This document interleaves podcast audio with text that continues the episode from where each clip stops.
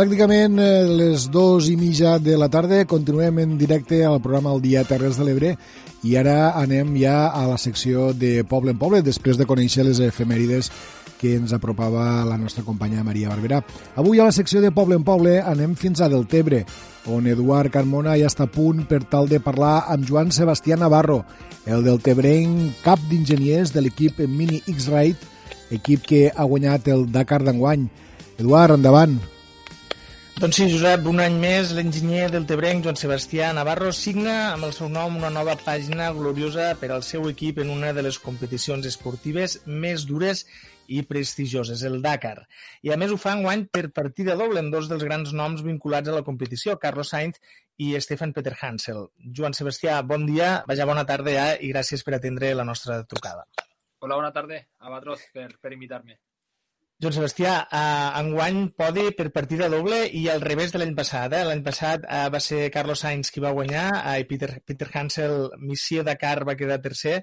Enguany s'han invertit els papers. Eh, tots dos corredors de, de Mini X-Rate. Què té aquest equip que no tinguen els altres? Sí, uh, la veritat és que sí. O sigui, hem, de fet, hem aconseguit les mateixes posicions invertint els pilots, eh, en el qual era l'objectiu que, el, que el trofeu se quedés a casa a l'equip i bueno, suposa que hem treballat molt bé durant fent el cotxe i durant aquest any també encara hem millorat més el cotxe i ho hem fet millor que els competidors, trobo jo, perquè, clar, per a, per a guanyar s'ha de, de funcionar tota la perfecció. Així que suposo que l'equip té, això, a part dels dos superpilots, pues, que tot l'equip ha fet un treball boníssim durant l'any. Uh, dius que s'ha treballat molt bé en aquest cotxe. És un cotxe que tu coneixes a la perfecció, ja que lo vas dissenyar des del minut zero. Sí, lo vam fer el 2017 jo vaig ser el responsable tècnic, el project leader que es diu, del, del cotxe este, en el grup de, érem un grup d'enginyers eh, fem des d'Alemanya, però jo era el responsable tècnic, així que sí, la veritat és que és com, com si l'hagués criat, saps? I, claro, en, junt en l'equip d'enginyers, però, claro, al ser responsable, pues, m'ho coneixo bastant tot. Ha canviat molt este cotxe en tres anys? Sí, cada any. És que cada any canvia molt. No pareix. Des de fora eh, la gent pareixerà el mateix de l'any passat, però sempre millorem. Per exemple, el que hem millorat molt en un any ha sigut, eh, han millorat el tema de, de refrigeracions, que bueno, al Dakar fa molta calor i a les dunes encara més, estem a 40 graus, han millorat molta refrigeració i suspensió.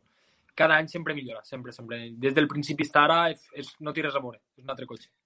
Clar, i, I això encara es pot millorar més? Eh, perquè de què depèn les millores? Suposo que cada any, depenent del país on se celebra el Dakar, eh, el cotxe s'ha d'adaptar a aquest territori, perquè fa tres anys eh, no es va fer a, a Aràbia Saudita, sinó que es va fer, si no m'equivoco, a, a Sud-amèrica, a Xile, sí. no? i les condicions devien ser diferents. Llavors, cada any eh, dissenyeu una mica, redissenyeu el cotxe per adaptar-vos a, a l'escenari? Sí, eh, aquesta és la, la, la part principal Claro, com tu dius, se va fer a Xile, bueno, a Perú, sobretot el 2018, mm. que era un ambient tot molt més d'arena. Era tot de, de desert, però arena. No hi havia pista ràpida ni pista de ral·lis i el cotxe s'havia d'adaptar en aquelles condicions. Era molt més extrema de calor, saps? Però no era tan ràpid de velocitat. Ara, a Aràbia Saudí, el cotxe, l'escenari ha canviat. És un escenari molt més desert obert, més pista de, de desert i llavors allí s'agafen velocitats altes. Això és una, s'adapta al, al territori i la segona és que la normativa canvia, el reglament. Llavors, mm. després, eh, de l'any passat a un any, per exemple, els cotxes els han limitat de velocitat màxima a 180. Mm -hmm. Abans estaven deslimitats i anàvem a 200 km per hora, que era moltíssim pel desert a 200, mm -hmm. i ara una dels reglaments pues, ha canviat a 180. I cada any pues, canvia en funció de resultats, per a fer com un balanç per a que tots els cotxes estiguin igualats. Clar, perquè sí, crec que en aquest cas no podem parlar de millor o pitjor cotxe, sinó més ben adaptat a l'escenari, no? Exacte, sí. Nosaltres pensa que com que són tot, tan diferents tots els escenaris que fem, que anem des de dunes a, a pista mm. ràpida, a asfalt, a, a de tot, o sigui, fem de tot, i llavors lo, hem de buscar un cotxe que vagi bé per tot, però realment sí que s'ha d'adaptar més al terreny d'Aràbia Saudí. L'any passat era nou per a tots, i nosaltres ara mm -hmm. coneixem el terreny. És un terreny que allí, per exemple, hi ha moltes pedres, i un dels factors principals del Dakar en any han sigut les punxades. Tothom punxava. Doncs pues nosaltres, per exemple, hem desenvolupat les rodes i tenim unes rodes que les hem adaptat per al terreny d'Aràbia Saudí. No van tan bé a l'arena, però aguanten més les punxades. Llavors, has de trobar un compromís que és lo, lo, la clau. No, no sé, no sé si, és, si és una millora d'enguany, però he llegit que este sistema, aquestes millores a les rodes inclouen uns pneumàtics que s'inflen i es desinflen segons el terreny. Sí, nosaltres, i això ho fa el copilot. El copilot des de dins, ells ja tenen, eh, van, segons el terreny que van, poden inflar i desinflar. Claro, quan van a pedres, pedres t'interessa tindre la roda molt més inflada, perquè una roda desinflada, agafes una pedreta i punxes. I llavors després molt anem molt alts de pressió per a les pedres. Quan anem a l'arena, la, a la sorra, allí has de desinflar les rodes perquè mm. això és com, com el gel, tu desinfles i tens més agarre, saps? Llavors, després, això també és una que funciona a la perfecció, també hem millorat aquest sistema per a que es pugui adaptar i optimitzes la roda al tipus de terreno. Clar, és curiós, eh? perquè quan pensem en, en, en curses pensem només en la velocitat, per exemple, traslladat a un circuit de Fórmula 1 on moltes vegades eh, les victòries se decideixen per dècimes de segon, en canvi en una competició com la Dakar mai és per dècimes de segon ni pràcticament no és qüestió de segons, és qüestió de, de, de minuts, moltes vegades, la majoria de vegades, no? Això suposo que, que clar, el cotxe més ben adaptat serà el que, el que arribarà al final amb més diferència. Sí, i aquí, de fet, hi havia dies que se feien diferències de tres quarts d'hora. Normalment és el que dius tu. Tu mires una Fórmula 1 eh, quan fan una qualificació o MotoGP, uh -huh. en un segon, a una volta al circuit, un circuit de dos minuts, en un segon hi ha 15 pilots la mateixa, uh -huh. al mateix segon. Aquí hi havia dies, claro, eh, primava molt la navegació. Navegació és, claro, ells s'han d'orientar al desert. Uh -huh. I es perdien molt. Sobretot sí. Carlos i, i Lucas s'han pues, perdut molt i per això no han guanyat ells el Dakar. I llavors això feia unes diferències molt, molt grans. Sí, sí, ara, ara recordo unes declaracions de Carlos Sainz que dia, uh, no sé si va ser exactament així, eh, però acusava l'organització d'en lloc de preparar un Dakar, preparar una gincama. Sí, això va dir, sí, sí, sí. Sí, perquè ja no... Lo Dakar, uh, els últims anys era velocitat pura i ara no. Ara ha tornat a la seva essència de quan se feia a Àfrica, que el Dakar a Àfrica era navegació, era aventura, saps? Ara els últims anys no havia canviat molt i ara han tornat a l'essència esta i, clar, és una cosa que no prima la velocitat, sinó que prima lo saber orientar-se, lo trobar-se i no perdre's perquè pensa que nosaltres hi havia especials durant 300 quilòmetres i Carlos havia fet alguna, un dia, que es van perdre molt, van fer 50 quilòmetres de més. Ostres. És moltíssim. D'una especial de 300, fer-ne 50 més, claro, va estar pues, 40 minuts de més. Clar, això eh, també ho vam parlar l'any passat en una altra entrevista que, que vam fer que vam fer-te. Suposo que el cotxe en aquest cas se ressenteix a nivell de gasolina, per exemple, quan fa 50 quilòmetres de més eh, en, un, en un cotxe que sempre la gasolina està al límit d'allò calculat, eh, és un gran risc perdre's. Sí, totalment. De fet, este dia eh, van acabar l'especial i quan acaben l'especial pues, tenen un tram que no van per crono, que és el tram d'enllaç que es diu, que van per asfalt sense anar ràpid. I allí el tram d'enllaç se va quedar sense gasolina. Ostres. Perquè, claro, va fer 50 quilòmetres de més i això no ho contemplem sí, sí. tant així. Nosaltres contemplem un petit marge, tenim una seguretat, però no tanta. I aquell dia es va quedar sense gasolina i Nani Roma, que és l'altre pilot català, lo va remolcar, que és competidor, vull dir rival, però es van, lo va remolcar a la següent gasolinera, saps? Sí, sí, sí. Però, claro, vull dir, jugues al límit i un fallo d'estos molt gran te pot deixar sense, sense gasolina. En este cas no va ser, no van perdre temps, però, bueno, és complicat. Si, si parlem d'aventura, com has dit abans, eh, com, com lo gran al·licient de participar al Dakar, de fet, eh, Dakar és una prova d'estes mitiquíssimes que sempre se relaciona inevitablement amb l'aventura. Ara, eh, en un món tan globalitzat, sembla que això de l'aventura no, no hagi d'existir, no? però, en canvi, com que en els últims anys s'ha realitzat en escenaris diferents, suposo que aquesta incògnita de saber que us trobareu, si no l'any que ve d'aquí dos anys, també forma part d'aquesta aventura, no? perquè cada vegada heu de començar de nou. Sí, a veure, nosaltres sempre agafem... A Aràbia, per exemple, ha sigut molt similar, eh, lo de l'any passat, és bastant uh -huh. similar, però quan arribes allí trobes un altre ambient totalment, les pistes, eh, és, és tot totalment diferent. Llavors, eh, has d'improvisar també molt, saps? I és el que fa el Dakar únic, saps? Tu quan vas a un circuit te ho coneixes tot, vull dir, no hi ha, mm, no hi ha res d'improvisar, està tot molt calculat, tot, cada curva, o sigui, la, a nivell cada curva, el piano de la curva, tot, Allí no, allí és, és com, hem, com hem dit, aventura i com una gincama, sí, i és improvisar.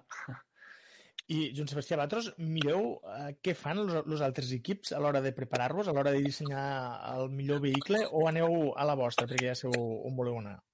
No, sempre, sempre es mira, sempre es mira els rivals. Ara, per exemple, un any ha vingut un competidor nou que és el que estan Ani Roma i Sebastián Loeb, que és el mm nou vegades campió del món de ral·lis. Sí, sí. Han fet un cotxe nou ells en un equip anglès i sempre aprens alguna d'aquell cotxe. El cotxe està molt ben fet i sempre es fa un estudi de mercat per mirar com estan els altres i sempre prens algo que pots aplicar tu i, i millorar el teu cotxe. O sigui, podríem dir que a nivell, a nivell de, de motors, a nivell de cotxes, Anglaterra domina, no?, la, la prova. Bueno, no, no, no. De, de, de cotxes l'equip este és molt potent a Anglaterra, però el més potent de moment seguim sent nosaltres l'equip mini alemà. Eh, clar, ah, clar, és que ara jo pensava que Mini era anglès. No, no, clar, Mini és alemany. No, claro. Sí, clar, sí, clar, sí. És, és BMW. És BMW, exacte. És, ho va comprar el grup BMW, sí, Sí, que és sí, sí, anglès sí. Mini, però vull dir, ara com que és del mateix grup BMW és, és alemà. Sí, sí, sí. Uh, Joan Sebastià, has notat molta diferència pel que fa a les vivències del dia a dia? Perquè al marge de la competició, uh, el Dakar és, és, és un dia a dia de convivències, de treball, de feina. Uh, ha canviat molt això respecte als altres anys enguany que, que ha estat present, tan present la Covid? Sí, moltíssim. Ha sigut totalment diferent a guany. Nosaltres, per exemple, érem un equip que portàvem 8 cotxes, el nostre equip, eh, tots en eh, 30 nacionalitats diferents, la majoria són alemans, però nosaltres estem com dins una bombolla, saps? Mos Mhm. fem test Covid cada 3 dies, vull dir, i després no sortíem, no hem tingut contacte amb ningú que no fos fora de l'equip.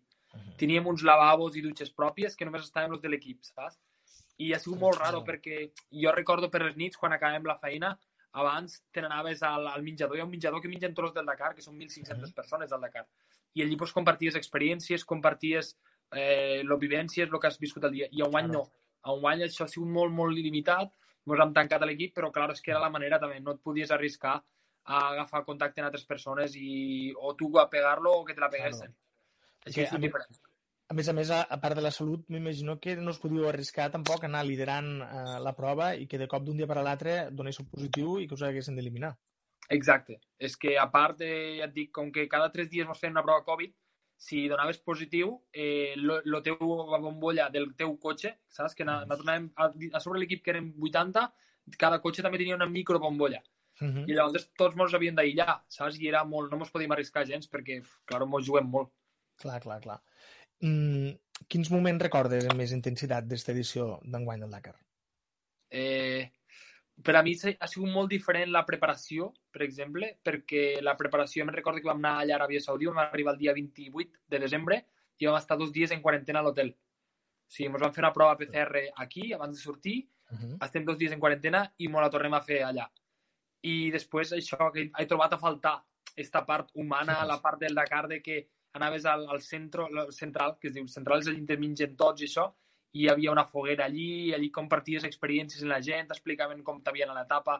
M'ha fet falta això, saps, a un any, que ha sigut molt diferent, però, bueno, però és, eh, és com ha de ser, si no, per sort que s'ha fet, perquè va estar pendent, molt pendent. La setmana de Nadal va estar a punt de cancel·lar-se. Al final s'han fet tots els viatges en xàrters privats. O sigui, l'organització ha fet vols des de Barcelona, París, eh, Múnich, Madrid, per a que poguéssim anar tots els que treballem i competim allà. I així que content d'haver-ho pogut fer perquè no estava gens clar. I el resultat ha sigut, si no m'equivoco, que no hi ha hagut cap positiu, almenys cap positiu eh, que, que, que hagi tingut repercussió a la prova, no? Bueno, al principi sí, per exemple, Nani Roma, el seu copilot, que es diu Dani Oliveras, eh, el dia 9 de desembre va donar positiu i es va anar fent la prova, inclús ara, que mira, jo vaig vindre en l'avió, vaig coincidir amb Dani, en ell, i és molt amic meu, el seu copilot, Dani Oliveras. Seguís donant positiu un mes i mig després. És una persona, un atleta que està super en forma, molt físicament molt bé, i seguís donant positiu un mes i mig després. Hi va haver algun cas també de gent que no durant, durant el rally sí que no hi ha hagut cap cas, però Uh -huh. que van donar negatiu aquí a Espanya i a l'arribar allà a Aràbia Saudí, després de dos dies van fer un altre test i van donar positiu. I estos s'han quedat mecànics, per sort no ha sigut cap pilot ni... i han tingut que quedar-se a l'hotel en quarantena 15 dies. això, això és una, eh, una marranada, per dir-ho finament, no? perquè portes tot l'any, com a mínim, tot l'any d'un any per l'altre, però segurament, bueno, en tota la feina acumulada dels altres anys, esperant este moment, cada any, el moment de la competició, i quedar-te les portes ha de ser una gerra d'aigua freda. Sí. Per mi, jo, de fet, també quan estava a Nadals aquí, que vaig vindre, me penso que el dia 20 o així vaig baixar aquí a Deltebre, i en ganes de, de veure els amics, de quedar, doncs, no vaig quedar amb ningú, només vaig estar en la família i en cap, cap amic, perquè només vaig estar en les, los de casa, Mons pares, ma germana i au, perquè és que no podies arriscar-te, perquè jo treballo tot l'any per anar a això, Home, i si clar. donava un positiu, deixava l'equip tirat. El ritme de treball és el mateix que l'any passat, que us comentaves que, que, eh, que dormies 3 hores cada dia. Sí, sí, sí, sí, això no, no ha canviat. perquè a part nosaltres cada dia també ens desplacem moltíssim, fem com una mitja de 400 quilòmetres al dia per carretera bona, per carretera d'asfalt, però això ja són unes 5 hores de camí, i munta i desmunta tot, revisar els cotxes. A part, també enguany hem sigut una mica menys de gent pel tema Covid. Han volgut limitar una mica més l'equip i, per exemple, en compte de ser tres mecànics per cotxe, com érem abans, enguany només n'han portat dos. Saps? Ostres, I això feina, clar. Clar, ha repercutit que és més feina, són més hores de treball al cotxe. I en enginyers també n'eren menys que, que de costum. Llavors, per, per limitar el risc de Covid, eh, s'ha fet, però Mhm. això ha comportat que la feina encara sigui més i sí, la, les hores de, de son han sigut eh, poques. Bueno, però ha valgut la pena, no? Sí, la veritat és que sí. Sí, el resultat ha valgut la pena. Tots els mitjans de comunicació especialitzats diuen o coincideixen a dir que aquest èxit és fruit de l'excel·lent treball que han realitzat justament els enginyers i els mecànics. Joan Sebastià, quin és el secret del vostre, vaja, del teu èxit?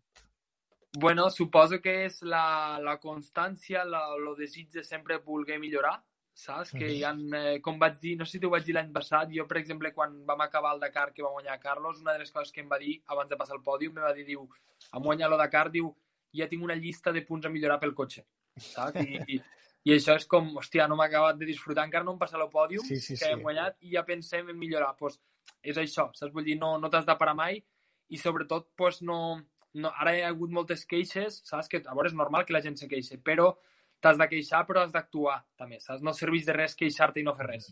Llavors, nosaltres també mos queixem, com som humans, tothom mos queixem, però fes alguna per a que no et torni a passar. Això és l'èxit, jo crec, que, que t'ajuda molt. Clar, estic pensant també que, que hi ha molts enginyers bons, hi ha molts mecànics bons, hi ha molts pilots bons, però que potser no acaben d'ajuntar-se per du- produir el màxim de resultats eh, positius per a l'equip. No? En el teu cas, sembla que la teva entesa en Carlos Sainz és total i que entre els dos avanceu a passes de gegant. Sí, és, és superimportant això, perquè tu individualment pots ser molt bo, hi ha, pots hi haure pilots molt bons, pots hi haure mecànics molt bons, enginyers, com tu has dit, però ho has de posar tot, tot junt i tot el conjunt ha de sincronitzar-se. Això és el més important aquí. S'ha d'entendre pilot, copilot, mecànic, enginyer, eh, tots els especialistes, i és, és la, la clau de l'èxit també, jo crec. També. Esta comunicació, que hi hagi bona comunicació a l'equip i que estigui tot sincronitzat, perquè l'equip individualitzat és com un equip de futbol. Per molts cracs que dins, si no juguen bé sincronitzats, no farà res. Doncs el nostre és el mateix. I de cara al teu futur immediat, qui, quin és? És, és Dakar 2022 o tens altres projectes en ment? No, doncs mira, ara nosaltres eh, eh, siguem, érem l'equip mini. De fet, aquest any ha sigut l'últim any de, de mini. Portàvem unes camisetes al pòdium que de, de, de, donàvem les gràcies a mini pels últims 10 anys. Jo he fet 8 Dakars ja i 10 s'han fet en mini i ara mini ha acabat. I llavors nosaltres ara comencem un projecte nou en Audi que entrarà a fer el Dakar.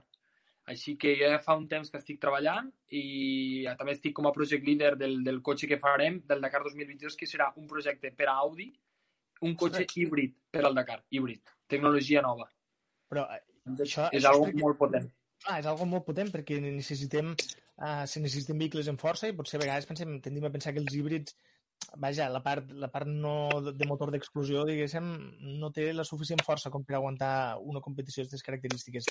Per tant, estem a la porta d'un canvi total no? en, en les Sí. normes del joc. És la primera vegada que es fa el Dakar, vull dir, no, no s'havia fet mai. L'any que ve començaran els motors híbrids i et dic, com nosaltres en Audi entrem molt fort, perquè, Mhm. clar, és un equip oficial, un equip que ha molts mitjans, segueixen alemà, però vull dir, canviarem totalment de marca, un altre cotxe, ho estem redissenyant, i híbrid. L'elèctric encara no es pot, perquè per al Dakar un cotxe elèctric se necessiten moltes bateries, i estaríem parlant d'un cotxe que pesaria 4.000 quilos de pes, i és inviable. Però la tecnologia híbrida ara comença a estar a l'altura, i tothom va pel tema de contaminació i tot això, llavors ja se començarà a fer, ja et dic, la, la nostra idea és debutar l'any que ve en un cotxe híbrid i directament ja anar per la victòria també. L'any que ve es produirà també la competició a l'Aràbia Saudita? Sí, hi ha, hi ha cinc anys de Dakar, però l'any que ve, si el Covid deixa i es pot fer, hi haurà més països. Hi hauria, se volia fer a Jordània, Qatar, eh, Bahrein, països del Middle East, que es diu de l'Orient Orient Mig. I Aràbia Saudí segur, potser se n'afegeix algun altre, perquè, clar, el Dakar, com més països, millor. I ja et dic, en el plus de que entrarem en un cotxe nou, l'estem dissenyant ara, i tecnologia híbrida. Però, Sí. però això sí que és anar a l'aventura, eh? perquè no sabeu encara si es farà a, a més d'un país. Per tant, el cotxe Sí. que heu de dissenyar d'entrada és un concepte molt, molt general, no? que es pugui adaptar sí. Sí, a tot. És molt genèric i més sent, sent un híbrid que no hi, ha, no hi ha referències perquè no hi ha cap cotxe híbrid d'aquest nivell. Eh, de circuit n'hi ha, saps? Ara començaran els ral·lis també, però al Dakar no hi ha res. Tots els, mm -hmm. els cotxes del Dakar han sigut de, de gasolina o de gasoil. I et dic, sí, sí. és un doble, doble challenge, doble, no sé com se diu, sí, com objectiu Sí, de, de una, per una part la tecnologia nova que és híbrida i per una altra part que es pot ser s'obrirà en nous països. Així que és l'aventura. Quina potència de cavalls ha de desenvolupar este, este vehicle? Estem parlant de, m'imagino, més, més de 300, 300 400 sí. cavalls. Sí, són 400 cavalls. 400 cavalls, 4x4 i sobretot, claro, que tingui una autonomia elèctrica el més gran possible, però mm. no crec que arribéssim als 100 quilòmetres per això, per, llavors per això es posa la tecnologia híbrida, saps? Mm. Per a poder funcionar, poder, poder arribar als 500 quilòmetres que s'ha de fer aquest mana, que s'ha de fer mínim lo Dakar, són 500. Mm. Llavors un elèctric no els fa, més de 100 no els fa, i llavors farem un híbrid per a poder arribar als 500, en 400 cavalls de potència. Bé, és, és molt, i és un pas, potser de cara a un futur ja 10 anys vista, de potser tindre un Dakar ah, silenciós. Sí, és la idea, eh? és el que volen anar. Eh, cada vegada s'està parlant de dos, dos variants per al futur, una part elèctrica i l'altra part hidrogen saps? Hi ha els cotxes d'hidrogen que, que ara no contaminen els residus. El que passa que és més car, perquè l'hidrogen produir-lo és molt més car. Però a nivell d'emissions és millor. Saps? Mm -hmm. Llavors, d'aquí 10 anys s'està parlant de que el 2030 ja no hi ha només que els clients, saps? O sigui, la gent que digui equips petits que vagi com a aventura, sí, perquè si no val molts diners, però tot el que són equips grans, que ara mateix n'hi ha quatre, pues, anar tots ja sense soroll, que dius tu, sense contaminació. Perquè els, motors d'hidrogen són d'explosió, també. Però... Bueno, l'hidrogen és, és, és un dipòsit que es, que es posa hidrogen i realment alimenta un motor elèctric. Ah. Saps? Vull dir, l'hidrogen s'utilitza per a produir electricitat sí, sí, sí, i de l'electricitat fas anar el, el motor elèctric, però el residu és aigua. L'únic que té un tubo d'escape igual que un cotxe normal, però el que surt pel tubo d'escape no és fum, és aigua. Uh -huh. Llavors, claro, és una cosa que no contamina, però, com t'he dit, costa molt agafar l'hidrogen de diners uh -huh. i encara s'està evolucionant. Bueno, Joan Sebastià, una vegada més, en un territori en el que sempre falten referents, eh, deixa'm dir que el teu exemple segur que inspirarà, m'imagino, més joves del territori. Ha rebut alguna petició des d'aquí per vindre a treballar amb Matros? Bueno, molta gent i de fet també estic content de, de poder compartir amb la gent del poble i també els noets menudets, bueno, menudets, menudets no, gent de, de l'ESO, o sigui, de, de, inclús de l'institut, que em pregunten que com poden arribar a això, o sigui, jo estic encantat d'explicar-los el que, lo que s'ha d'estudiar. Hi ha molta hi ha gent ja que s'està dedicant, que són mecànics i enginyers de, de, de motorsport, i realment més joves, nois de 16, 17, 18 anys, que em pregunten i què he de fer per arribar a això, i a mi m'encanta poder explicar i que, claro, que la gent, pues, que, que un poble com el nostre, pues, que surti gent que, que a nivell internacional que faci ressò. I tant, però eh, també ens expliques que no és fàcil, no? I que és de, a part de ser bo, has de tindre sort. Sí, sí, sí, els dic, i sacrifici, sobretot, que és la part que més costa. Saps? Aquí baix, jo sempre dic, vivim molt bé, no es viu tan bé com a Alemanya, saps? Ai, ja, ja. al contrari, a Alemanya sí, no es viu ja, tan bé com aquí. Llavors, aquesta part és la part que has de sacrificar. Eh, claro, no, no, aquí pues, no tenim sortida, no hi ha equips eh, potents. A Barcelona sí que n'hi ha algun, però si realment vols encara triomfar més, pues, t'has d'anar més a lluny encara i aquesta és la part que, però bueno, que, que s'ha de fer i és una experiència bona i, i a veure, és un objectiu personal. I que es pot combinar, eh? el treballar pel món, tindre un peu al món i un altre peu al Delta, una mica com el que fas tu, no? aquests dies, per exemple, després sí. de la competició, vens a recuperar forces no? a, a sí. casa. Això mateix. I ara tinc dues setmanes de vacacions que estic aquí i ara també pel Covid podrem treballar una mica més des de casa, així que encara podré quedar més temps aquí jo encantat, vull dir, puguem fer el que faig i dedicar el màxim de temps possible aquí al nostre poble, doncs és el millor. Molt bé, doncs Joan Sebastià Navarro, cap d'enginyers de Mini, de l'equip Mini X-Rate, doble podi enguany, com l'any passat, en els papers invertits, Carlos Sainz tercer i Peter Hansel el primer enguany. Uh, te desitgem molts d'èxits a la teva carrera i espero, espero que l'any que ve uh, puguem tornar-te a entrevistar perquè ens pugues portar més notícies de com se desenvolupa este, este Dakar. Molt bé, moltes gràcies a vosaltres. Una abraçada. I enhorabona, una abraçada. Gràcies. Adéu, adéu.